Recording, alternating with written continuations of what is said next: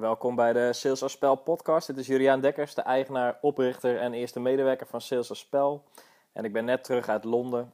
Ik zit nu thuis. Het is weer tijd om een podcast op te nemen. Londen was uh, fantastisch. Ik heb daar een uh, heerlijke biefstuk gegeten op vrijdagavond.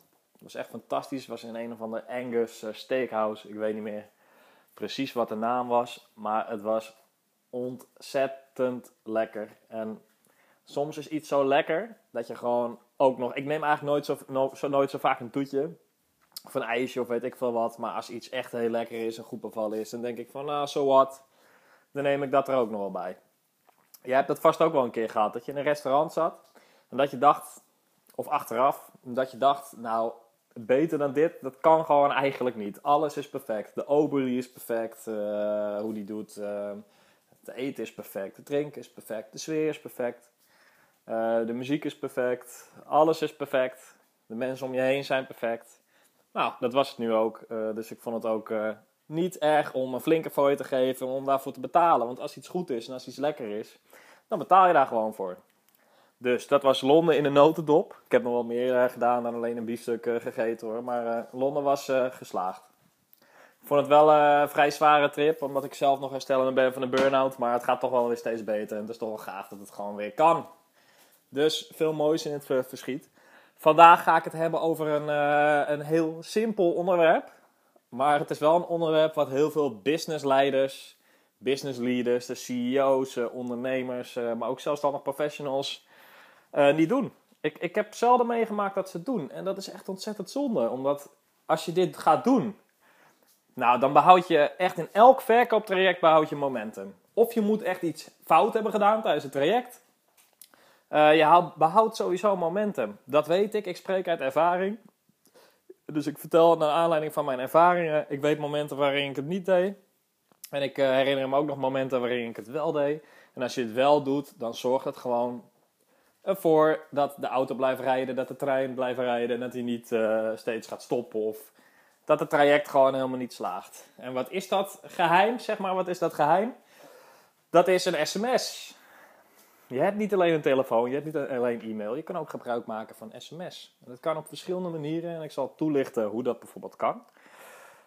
Um, ik kan me nog wel herinneren dat ik klanten wilde gaan bellen zonder dat ze het wisten. Dat doe jij vast ook wel eens, hè? dat je een lijstje hebt met klanten van nou die wil je bellen. Maar ze weten eigenlijk niet dat je gaat bellen. Dus het is echt een complete verrassing dat je belt. Kan natuurlijk leuk zijn, kan ook onverwacht zijn. Kan zijn dat mensen in gesprek uh, zitten of dat je ze stoort op het moment dat je belt. Dus de kans dat ze opnemen, die is altijd niet even hoog. Vooral bij potentiële klanten niet, want je hebt de relatie nog niet zo ver ontwikkeld. Nou, wat je dan kan doen, dat is dat je een sms stuurt voordat je iemand belt. Het kan een dag van tevoren zijn, het kan een uur van tevoren zijn. Maar een sms waarin je duidelijkheid geeft voordat je iemand belt. Zodat diegene ook weet dat je gaat bellen. Ik zie veel verhalen op internet over uh, dat een sms of WhatsApp, dat je dat niet moet gebruiken in het zakenleven. Ik stoor me eraan, want er zijn heel veel van dat soort dingen het is, maar het is eigenlijk nooit zwart of wit. Het is nooit yin, yin of yang. Het is altijd een middenweg daarin die je moet zoeken. Kijk, in sommige gevallen kan je wel WhatsApp gebruiken. Of sms, in sommige gevallen niet. Dus ik zal eerst kort schetsen waarom je geen sms moet gebruiken en wanneer wel. Nou, je moet wel een sms gebruiken om logistieke vragen te stellen en om iemand duidelijkheid te geven. Dus je moet het kort houden en zakelijk. Je moet niet WhatsApp of een sms uh, uh, sturen. Met het doel om via datzelfde kanaal emotionele uh, dingen te bespreken of ingewikkelde complexe zaken. Dat werkt natuurlijk niet. Dat doe je telefonisch of face-to-face of desnoods per e-mail. Maar ook e-mail kan fout aankomen, omdat het heel moeilijk is om de juiste toon in een tekstbericht weer te geven. Dat is gewoon heel lastig. Sommige mensen beheersen dat heel goed. Beheers het niet heel goed, doe het alsjeblieft face-to-face of telefonisch. Mijn ervaring in ieder geval. Oké, terug naar de sms. De sms. Nou, wat je bijvoorbeeld kan doen hè, om uh, een sms te gebruiken om het momentum te houden in het verkooptraject, is dat je dus voordat je iemand belt, dat je dan een sms stuurt. Kan ik je vanmiddag om 1 of 3 uur even bellen? Wat komt het beste uit? Dat is een keuzevraag. Dat is gewoon een keuzevraag. Dus het is voor diegene is het een hele lage investering om terug te sturen 1 uur, 3 uur. Bel nu maar. Kan ook, hè, dat iemand een eigen keuze creëert. Dus bel nu maar. Nou, wat doe je als je iemand die keuze geeft? Ten eerste trechter je iemand naar het moment dat je belt. Dus diegene die ziet die sms. Jij komt top of mind. Jij staat hoger op de prioriteitenlijst van diegene. Ehm, dus diegene die heeft jou meer in zijn hoofd zitten voordat je belt. Dus die is al meer bezig met de relatie. Het is gewoon zo, hoe meer iemand aan je denkt, hoe meer iemand met het traject bezig is, hoe hoger je staat op de prioriteitenlijst, hoe meer je dus top of mind bent, hoe groter de kans dus is dat je verkooptraject momentum behoudt. Dat is het allerbelangrijkste wat er is, momentum behouden. Belangrijk blijven. De vaten, de vaten erin houden in zo'n uh, traject. Dus wat je dan doet, dus sms, trechter je iemands gedachten naar het telefoongesprek wat je vanmiddag hebt. Stel je zou die sms niet sturen, dan zou iemand helemaal nog niet gedacht hebben aan dat jij zou gaan bellen. Diegene wist het toch niet? Dus er is geen momentum als je belt. En de tree die iemand moet belopen, dus de trap die iemand moet belopen, die tree die is heel hoog. Want een telefoon, telefoontje opnemen, heel veel mensen hebben er angst voor. Je kan er gewoon niet omheen. Heel veel mensen vinden het vervelend om een telefoontje op te nemen. Ze zijn heel druk met andere dingen, dan komt dat er ook nog eens bij. Terwijl een sms is een hele lage investering. Emotioneel gezien gewoon een hele lage investering. Wat je ook kan doen, is um, bijvoorbeeld een uh, ja-nee vraag stellen. Uh, komt het uit als ik nu bel? Um, heb je mijn mail al gezien? Kan ook. Zou ik niet doen. Want als je dat doet, dan vraag jij iemand iets in plaats van dat je geeft. Dus je kan wel bijvoorbeeld zeggen van, heb je, um, um, heb je de, de, waardevolle infographic die ik heb gestuurd, heb je die ontvangen? Heb je het voorstel ontvangen? Is het goed bij je terechtgekomen? Dat soort sms'jes, die houden het gewoon echt je verkooptraject uh, aan de gang. Wat je ook uh, kan doen, dat is nog iets anders. Dat uh, is een, een, deadline stellen in een sms. Kijk, als iemand nou, als je, stel je hebt drie keer gebeld naar een klant, uh, niet naar een klant, naar een potentiële klant. Je hebt drie keer gebeld naar een potentiële klant. Sorry.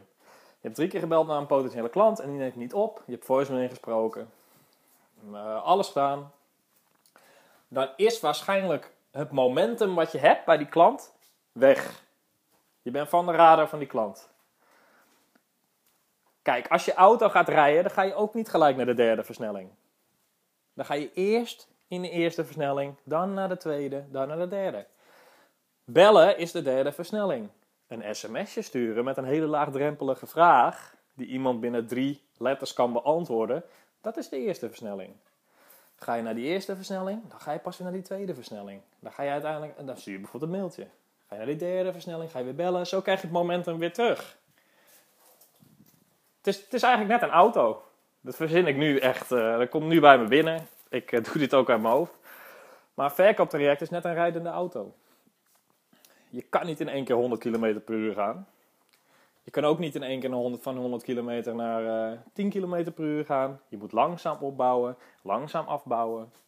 Uh, zodat je constant op de goede snelheid zit. En gewoon niet, uh, ja, niet, niet, gevaar, niet geen gevaarlijke dingen doet. En ook geen boetes ontvangt. Dat is gewoon heel erg belangrijk. Uh, dus heel kort, sms. SMS doe je voordat je um, een gesprek hebt met iemand. Altijd. Waarom? Iemand weet dan dat je gaat bellen. Dus iemand denkt daaraan. Je bent gewoon duidelijk. Dat is ook gewoon prettig. Iemand weet dat je gaat bellen. Je hebt meer momentum. Dus um, als iemand een berichtje terugstuurt. Dat zou raar zijn als die dan niet opneemt. Want iemand heeft gecommit aan het telefoongesprek.